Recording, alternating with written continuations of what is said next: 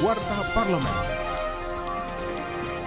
Saya Doda Vinci, inilah Warta Parlemen. Ketua Komisi 8 DPR RI Andri Susanto menekankan pentingnya mitigasi bencana di semua daerah. Menurutnya permasalahan daerah harus dilihat secara konferensif agar tidak terlambat dalam penanganannya. Ia juga mendorong keterbukaan tiap daerah perihal permasalahan bencana karena kebutuhan di setiap daerah berbeda-beda.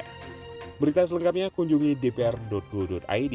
Radio Parlemen DPR Anggota Badan Legislasi DPR RI, Tia Khalid, mengatakan permasalahan ketahanan pangan yang terjadi di Indonesia disebabkan masih minimnya pemanfaatan lahan, pengembangan teknologi, serta faktor iklim dan cuaca yang ekstrim. Untuk itu DPR RI meminta pemerintah segera mendirikan lembaga pangan sebagai pengendali pasokan, distribusi, dan kestabilitas harga sesuai dengan amanah Undang-Undang Nomor 18 Tahun 2012. terhadap amanah undang-undang 18 tahun 2012 yang sudah sekian lama tidak dilaksanakan. Di satu sisi eh, BPS mengatakan bahwa kita aman tentang beras, tetapi Perindak juga mengeluarkan rencana mau import beras 1 juta ton. Ini kan sangat paradok dengan situasi-situasi yang ada.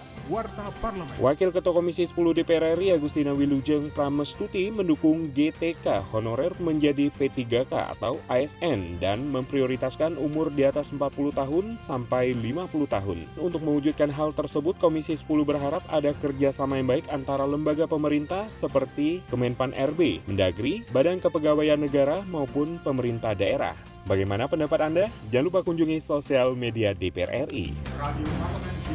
Wakil Ketua DPR RI, Muhaimin Iskandar, meluncurkan buku dengan judul Negara dan Politik Kesejahteraan. Melalui buku ini, ia mengingatkan tolak ukur keberhasilan sistem politik suatu negara bisa dilihat dari kesejahteraan rakyatnya. Demikian Warta Parlemen, Produksi TV dan Radio Parlemen, Biro Pemberitaan Parlemen, Sejen DPR RI.